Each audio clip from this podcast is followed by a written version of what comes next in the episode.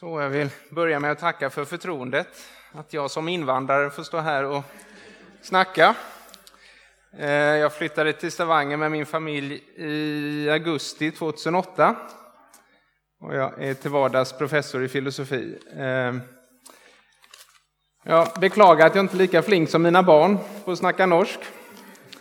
Eh, jag tror väl att en stor grund till det är att vi har så olika vardag, jag och mina barn. Eh, de går till skolan och, och då börjar deras norska vardag. Jag cyklar till jobbet och då börjar min engelska vardag. Där all min forskning görs på engelska, halvparten av undervisningen är på engelska och jag har inte så stora tillfällen till att snacka norsk, tyvärr. Så jag beklagar att dagens predikan blir på svenska.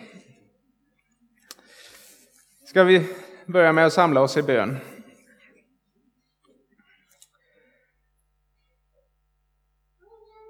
Vår store Gud, vi lovar dig, du Fader, Son och helig Ande. Du som är en enda oändlig, evig och oföränderlig Gud. Vi lovar dig för din härlighet, din makt och din ära. Vi lovar dig för att du skapade oss för dig själv och för att vi i vänskapen med dig skulle finna vår högsta lycka, vårt högsta goda.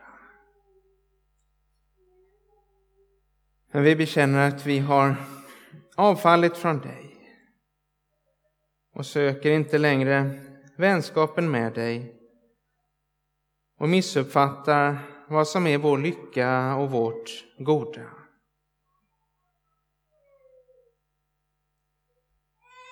Här är vi värda att för alltid kastas från ditt ansikte. Och vi kan endast komma inför dig genom vår Herre Jesus Kristus, som du i din stora och outgrundliga nåd har sänt till oss för vår frälsning. Och vi ber att vi nu skulle ta vara på ordet om honom, så att vi blir lyckliga. Lyckliga i vänskapen med dig. Och att vi i allting omfamnade Kristus. Så att du såg hans rättfärdighet i oss och lät hans orättfärdighet, vår orättfärdighet ligga på honom. Herre, välsigna så för oss ditt ord idag, så att vi idag, imorgon och alla våra livsdagar kan leva till din ära och vår lycka. Genom vår Herre Jesus Kristus. Amen.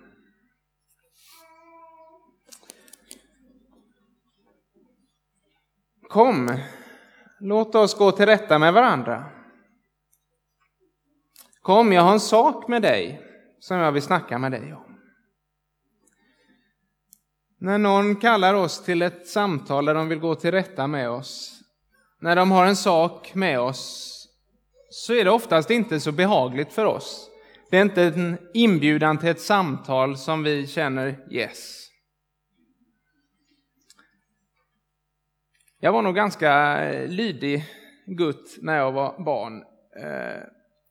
Eh, mitt första tillfälle, den första gången jag kan minnas när jag kallas in till ett samtal när någon vill gå till rätta med mig. Det är en varm, underbar sommardag. Och mor kallar in mig. För då har jag cyklat fram och tillbaka ut med gatan.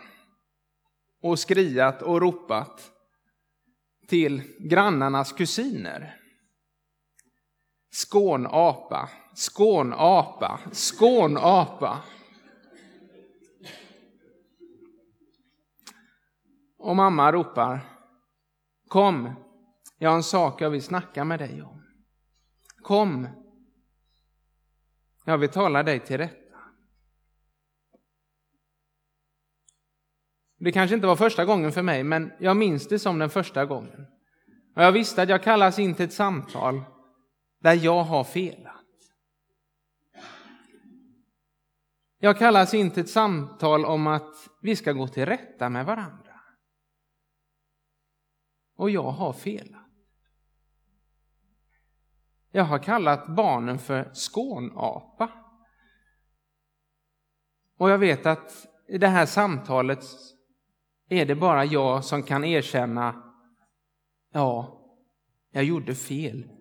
Jag borde inte kalla andra barn för skånapa. Och jag tror både du och jag har sådana erfarenheter från barndomen. Där vi möts av en inbjudan som inte är särskilt behaglig. Kom, jag har en sak med dig. Kom, jag vill gå till rätta med dig. Och vi finner en sån inbjudan oftast obehaglig. För det är du och jag som har felat, som kallas till rätta av den som har rätten på sin sida.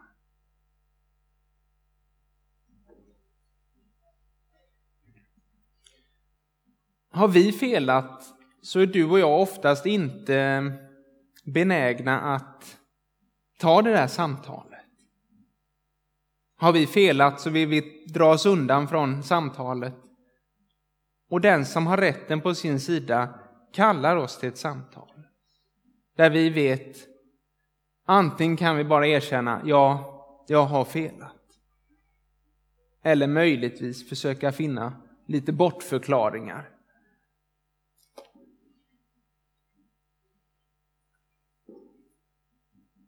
Och i dagens bibeltext från Jesaja har vi just en sån inbjudan till ett samtal. Kom, låt oss gå till rätta med varandra, säger Herren. Det är Jesaja kapitel 1, vers 18. Och kapitel 1 är en kallelse till en särskild slags samtal det är ett samtal i en domstol. Där Herren går till sak mot Israel för att de har gjort uppror mot mig, som det står i vers 2. Israel anklagas i vers 4 för att ha övergivit Herren, föraktat Israels helige och vikit bort från honom. Så Gud kallar till samtal där saken är den att Israel har gjort uppror, uppror Israel har övergivit Herren, Israel har varit tros, troslösa mot Herren. Det är den slags inbjudan som möter oss alldeles i begynnelsen av eh, Jesajas bok. Och det är Gud som är åklagaren och vittnena är himlen och jorden. Hör ni himlar, lyssna ni jord. Så Herren kallar himlen och jorden till vittnen i den rättegång som nu ska begynna.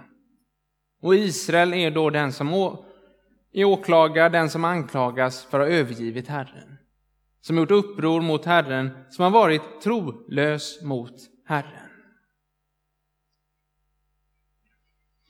Så Israel kallas till ett samtal som du och jag kanske gjorde i barndomen. Vi kallas till ett sådant samtal. Eller som vuxna. Av polisen eller något annat. Kom, låt oss gå till rätta med varandra.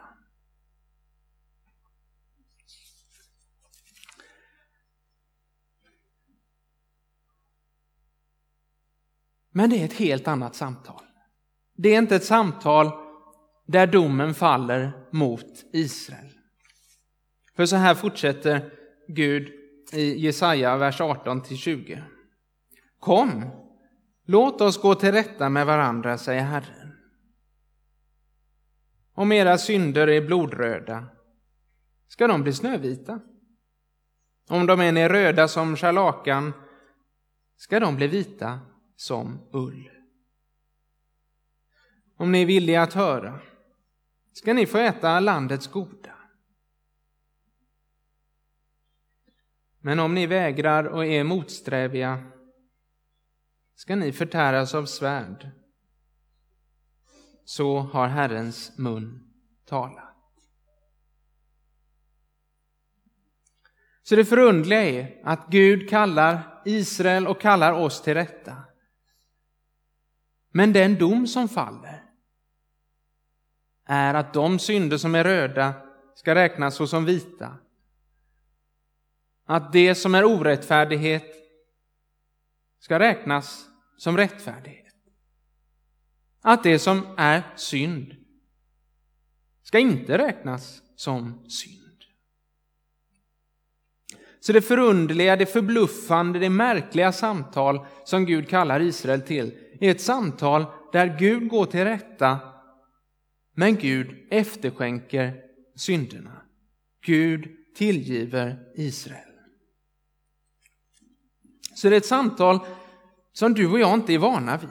Vanligtvis när du och jag kallas till svars för en sak vi har gjort, när vi kallas till rätta för något, så är det för att vi skall få bära straffet. Och här ger Gud löfte om att om era synder är röda, blodröda ska de bli snövita. Om de än är röda som scharlakan ska de bli vita som ull.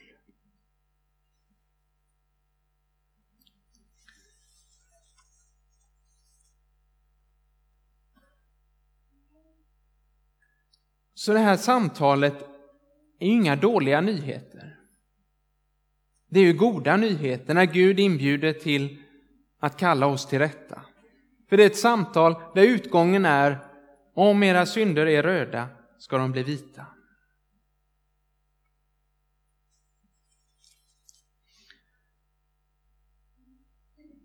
Men hur kan då Gud säga att det som är rött ska vara vitt? Hur kan Gud säga att det som är orättfärdigt ska vara rättfärdig.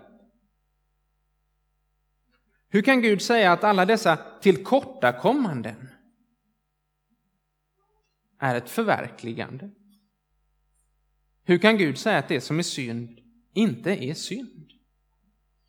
För när Jesaja här talar om rött, och är du en van bibelläsare så vet du att Jesajas eh, bok har kanske den vackraste i hela Gamla Testamentet. Ett mycket rikt språkbruk. Och för den som sliter med sin hebreiska så är det enormt mycket ord i Jesaja som du aldrig stöter på någon annanstans i, i Bibeln. Och troligtvis använder Jesaja här rött på det sätt som rött första gången kommer in i Bibeln. När ni vet berättelsen om Kain och Abel. Efter syndafallet så kallar Gud till samtal.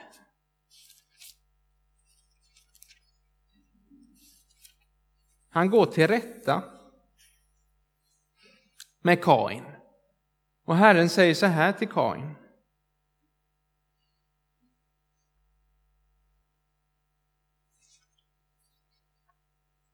Vad har du gjort?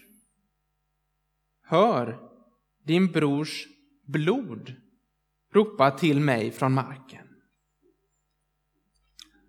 Så Gud kallar Kain till rätta för vad han har gjort mot Abel. Vad har du gjort? Hör din brors blod ropa till mig från marken. Och det är det slags rött som omtalas här. Orättfärdighetens blod som är utgjutit. Det blod som inte borde ha blivit utgjutet men som blev utgjutet när Kain och Abel bråkade. Det är den slags orättfärdighet som vi har inför Gud. Där vi inte har gett Gud det Gud förtjänar. Och Gud går till rätta med Israel i början på kapitel 1 här för att de inte ger Gud den tillbedjan, ger inte Gud den dyrkan Gud är värd. Tillber Gud inte efter Guds vilja och Gud kallar därför deras gudstjänst för meningslös.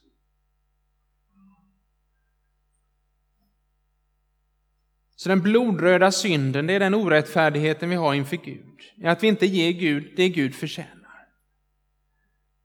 Men det blodröda här är också den slags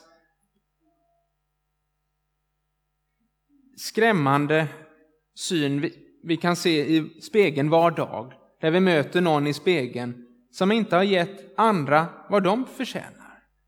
Där vi dagligen misslyckas i att vara fullt mänskliga mot varandra. Där vi inte gör det som är rätt mot varandra. I hemmet, i skolan, på jobbet och så vidare.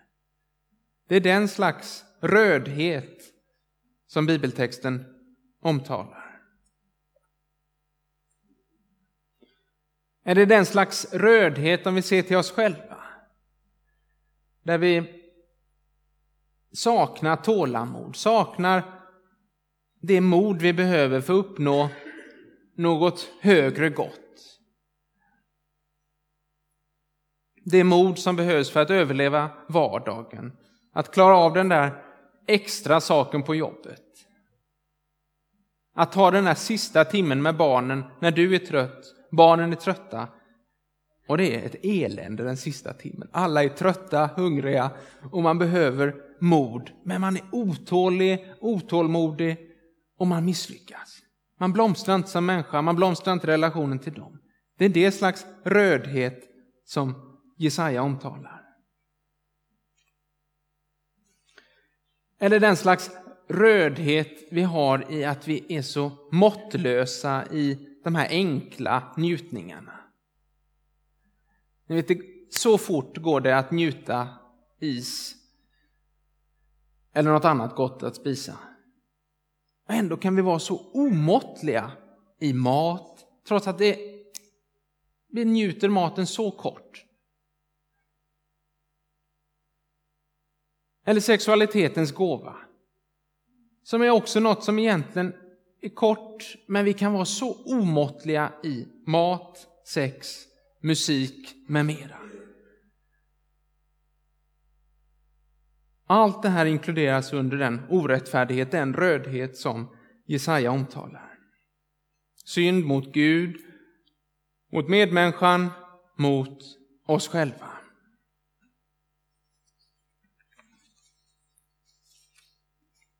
Men hur kan Gud kalla detta röda för vitt? Det hjälper ju inte om jag står här och säger att den norska flaggan är vit, vit, vit. Den förblir delvis röd. Så hur kan Gud kalla det röda för vitt?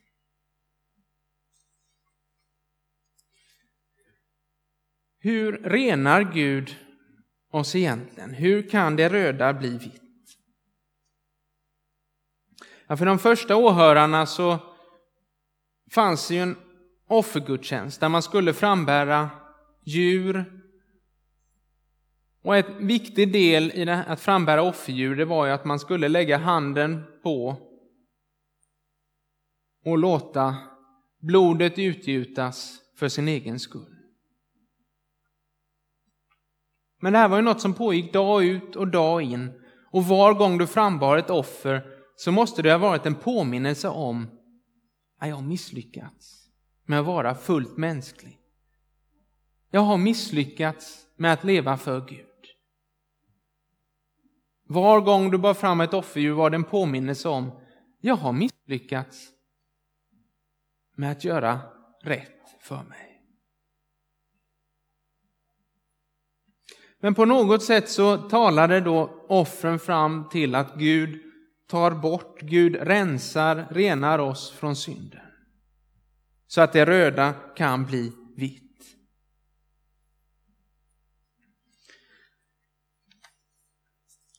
Och ni vet hur David i psalm 32 prisar den salig som Herren frikänner från synd.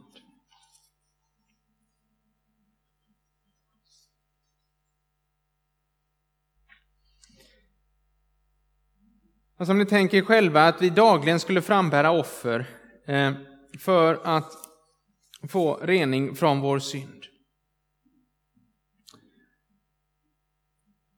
Så vill vi på något sätt fästa, ha något löfte om hur blir jag ren? Och i psalm 32 så talar ju just David om hur salig är den som fått sin överträdelse förlåten. Sin synd övertäckt alltså övertäckt av blod. Salig är den människa som Herren ej tillräknar synd och som i sin ande är utan svek. Och när vi kommer till Nya Testamentet är det just det här som Paulus citerar i Romarbrevet 4.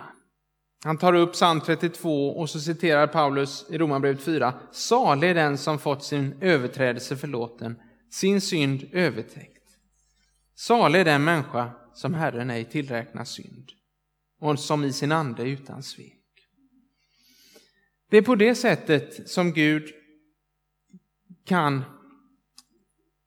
säga att det röda är vitt. Där han tillräknar oss inte det röda, tillräknar oss inte längre eh, vår synd, utan tillräknar oss en rättfärdighet. Nu var det nog inte klart för de första åhörarna av Jesaja.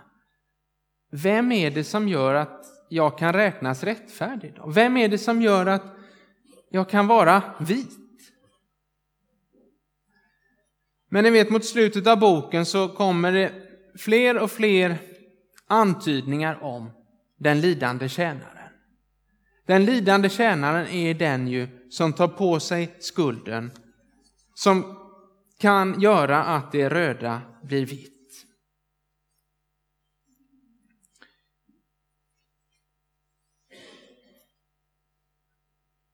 Ni känner den bekanta texten om Herrens tjänares lidande och härlighet.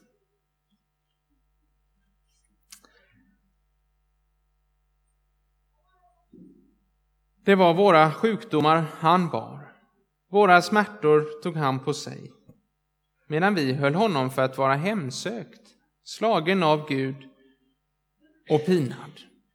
Han var genomborrad för våra överträdelsers skull, slagen för våra missgärningars skull.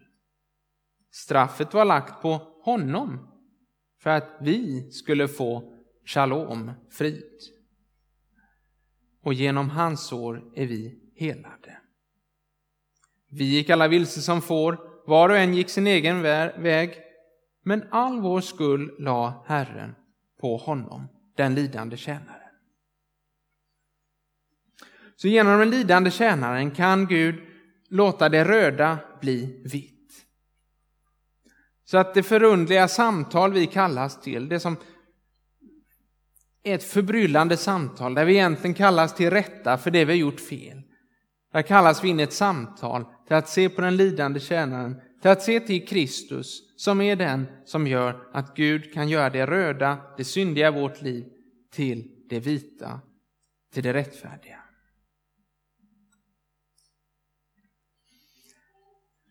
Ni vet Paulus härliga kommentar i Andra Korint.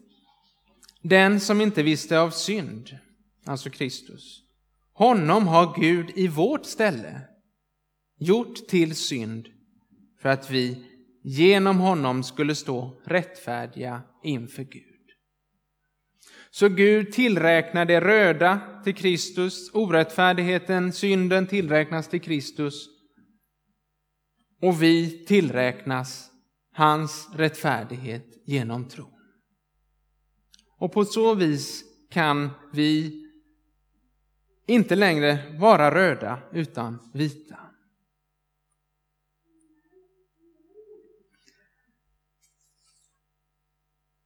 Alltså den enda människa i människohistorien som har fungerat väl efter Adam är ju Kristus. Han som levde på det sätt som vi alla borde leva. Han som alltid gav Gud vad Gud förtjänar. Han som alltid gav andra människor vad de förtjänar. Han som alltid var modig och måttlig. Han, den rättfärdige, offrar sitt liv, inte för sin skull, utan för syndares skull. För att de som är blodröda ska bli snövita.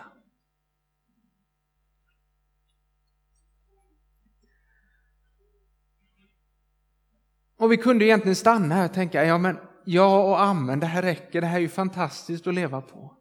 Och ändå så fortsätter Jesaja i texten där Gud ger det här löftet. Om ni är villiga att höra ska ni få äta landets goda. Så det är inte bara det här förunderliga, märkliga, förbryllande löftet om syndernas förlåtelse. Gud ger dessutom löftet om om ni är villiga att höra ska ni få äta landets goda. Och för de första åhörarna så var det här ett eko av femte Mosebok 28. Där det talas om landets goda.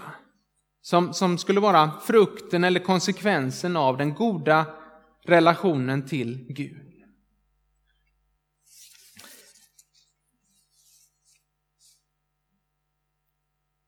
I femte Mosebok 28 står det så här. Om du lyssnar till Herrens, din Guds röst, genom att noggrant följa alla hans bud som jag idag ger dig, så ska Herren, din Gud, upphöja dig över alla folk på jorden, och alla dessa välsignelser ska komma över dig och nå fram till dig när du lyssnar till Herrens, din Guds röst.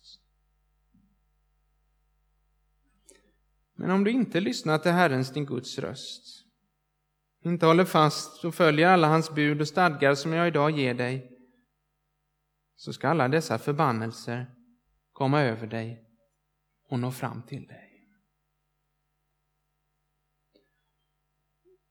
Så vad Gud upprepar i, i Jesaja 1 har ett eko av det löfte om välsignelse som Gud gav som en sammanfattning av, av hela alla Moseböckerna.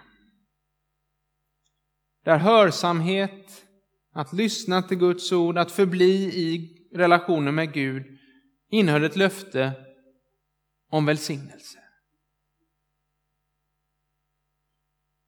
Men om man inte hörde Guds röst, inte lyssnade till Gud, så fanns det ett hot om Guds förbannelse.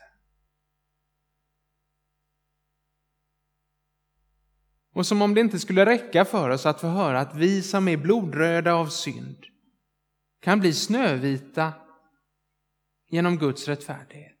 Vi får dessutom det löfte att om du hör, om du bara lyssnar till det här, så ska jag ge dig landets goda. Och landets goda i femte Mosebok 28, det involverar allting som mat, gröda, barn och så vidare och så vidare. Så Gud ger löfte om det. Inte för att Israel skulle helt försjunka i den här världens ting, utan leva med allting i vänskapen med Gud. Att låta allting, ens gröda, ens familj, allting höra till vänskapen, gemenskapen, fällskapet med Gud.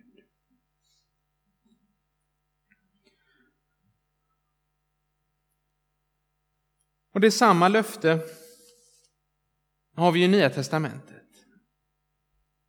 I brevbrevet 13 talar Gud om att jag ska aldrig överge dig. Lev inte för pengar, säger Hebreerbrevets författare, därför att Gud har lovat att han ska aldrig överge dig. Eller om ni tänker Jesus i bergspredikan, sök först Guds rike och hans rättfärdighet. Så ska ni få allt det andra. Så det är inte bara att Gud lovar oss att inte tillräkna oss vår synd, utan att tillräkna oss hans rättfärdighet. Gud lovar också att om vi hör hans röst så ska han förse oss med allt vi behöver för det här livet.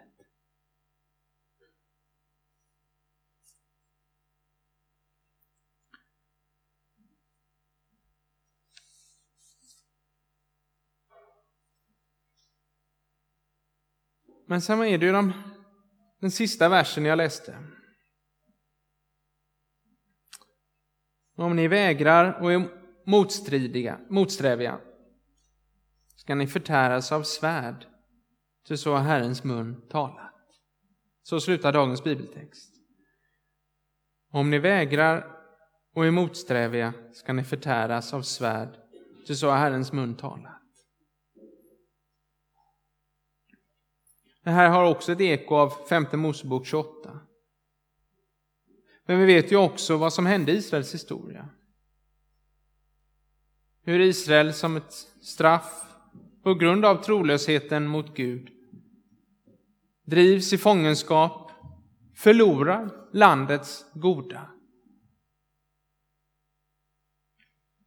och drabbas just förtärs av svärdet.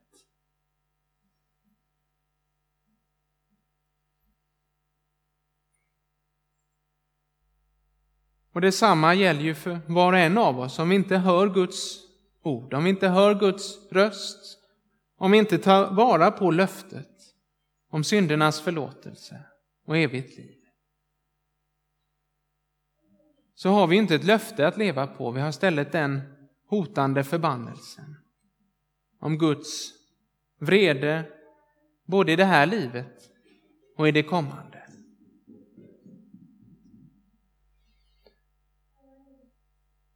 Så vi bör använda den här texten väl att se att ta vara på löftet. Annars får vi leva med det hotet. Att om vi inte i det här livet låter Gud gå till rätta med oss i Kristus, om vi inte i det här livet låter Gud gå till rätta med oss genom Kristus, så får vi ensamma, alena, gå till rätta med Gud i det kommande livet i ett helvete fullt av smärtor.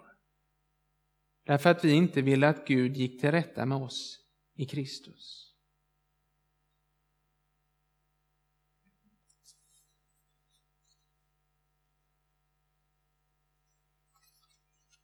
Men hur mycket mer ska vi då inte ta vara på det här fantastiska löftet? Att se att Gud lovar oss att om ni är blodröda så ska ni bli snövita.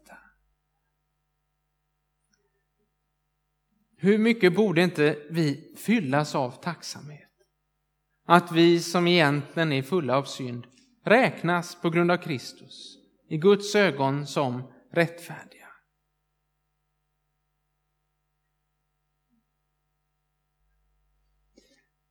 Ni vet i Romarbrevet när Paulus från kapitel 3 fram till kapitel 6 har lagt ut det härliga att Gud har gottgjort sin rättfärdighet i Kristus. Han har räknat oss som rättfärdiga, han har rättfärdiggjort oss, han har förklarat oss rättfärdiga. Så säger Paulus, räkna er själva som döda till synden och levande för Gud i Kristus. Det är så vi bör låta det här löftet sjunka in i oss, där vi känner yes.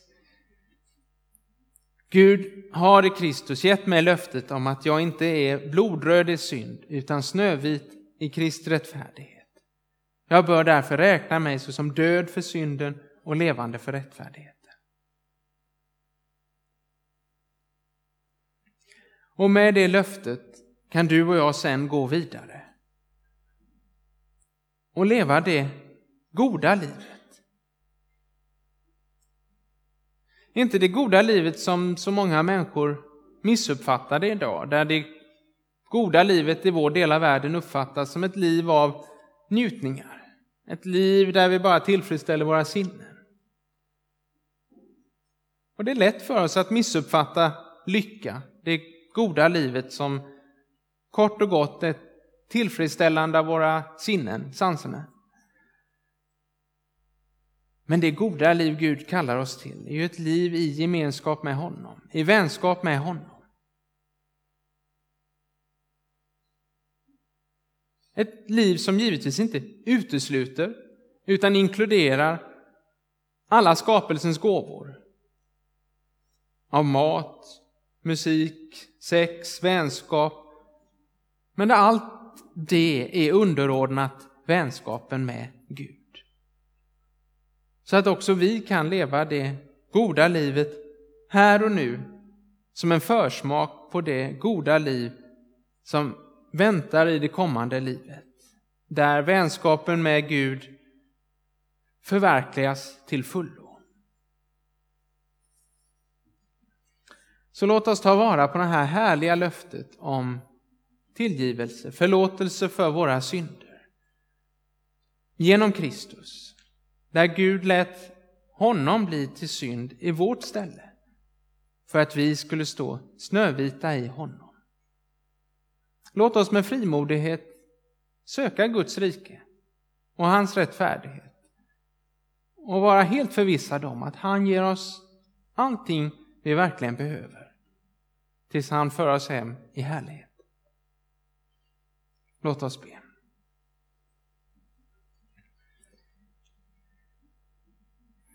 O Gud, vi lovar dig att du är rik på barmhärtighet, att du är så nådefull.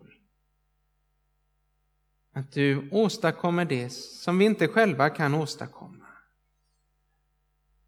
Vi är blodröda i vår synd, men i Kristus gör du oss till snövita.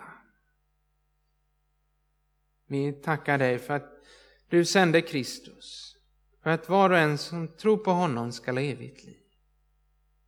Vi lovar dig Kristus att du kom och levde fullt så som vi borde leva. Du var alltigenom rättfärdig, modig, måttlig och klok. Och allt ditt goda frambar du till offer för oss. Och ge oss trons nådegåva så att vi omfamnar dig och så förenas med din rättfärdighet. Och att vi så lyckligt får byta bort vår orättfärdighet mot din rättfärdighet. Och Gud, låt oss räkna oss själva som döda för synden och levande för rättfärdigheten, så att vi förstår vad det goda livet är. Hjälp oss att med din Ande uppskatta den vackra naturen du har skapat och som återkommer nu i våren. Led oss med din Ande att uppskatta vacker musik, välsmakande mat, lustfylld sex, god vänskap och allting som skapelsen ger oss. Men ge oss din nåd så att vi tar vara på allt det här i vänskapen med dig. Så att allting får vara underordnat dig. Kunskapen om dig och den du har sänt, Jesus Kristus. Vi ber om allt det här för ditt namns skull. Amen.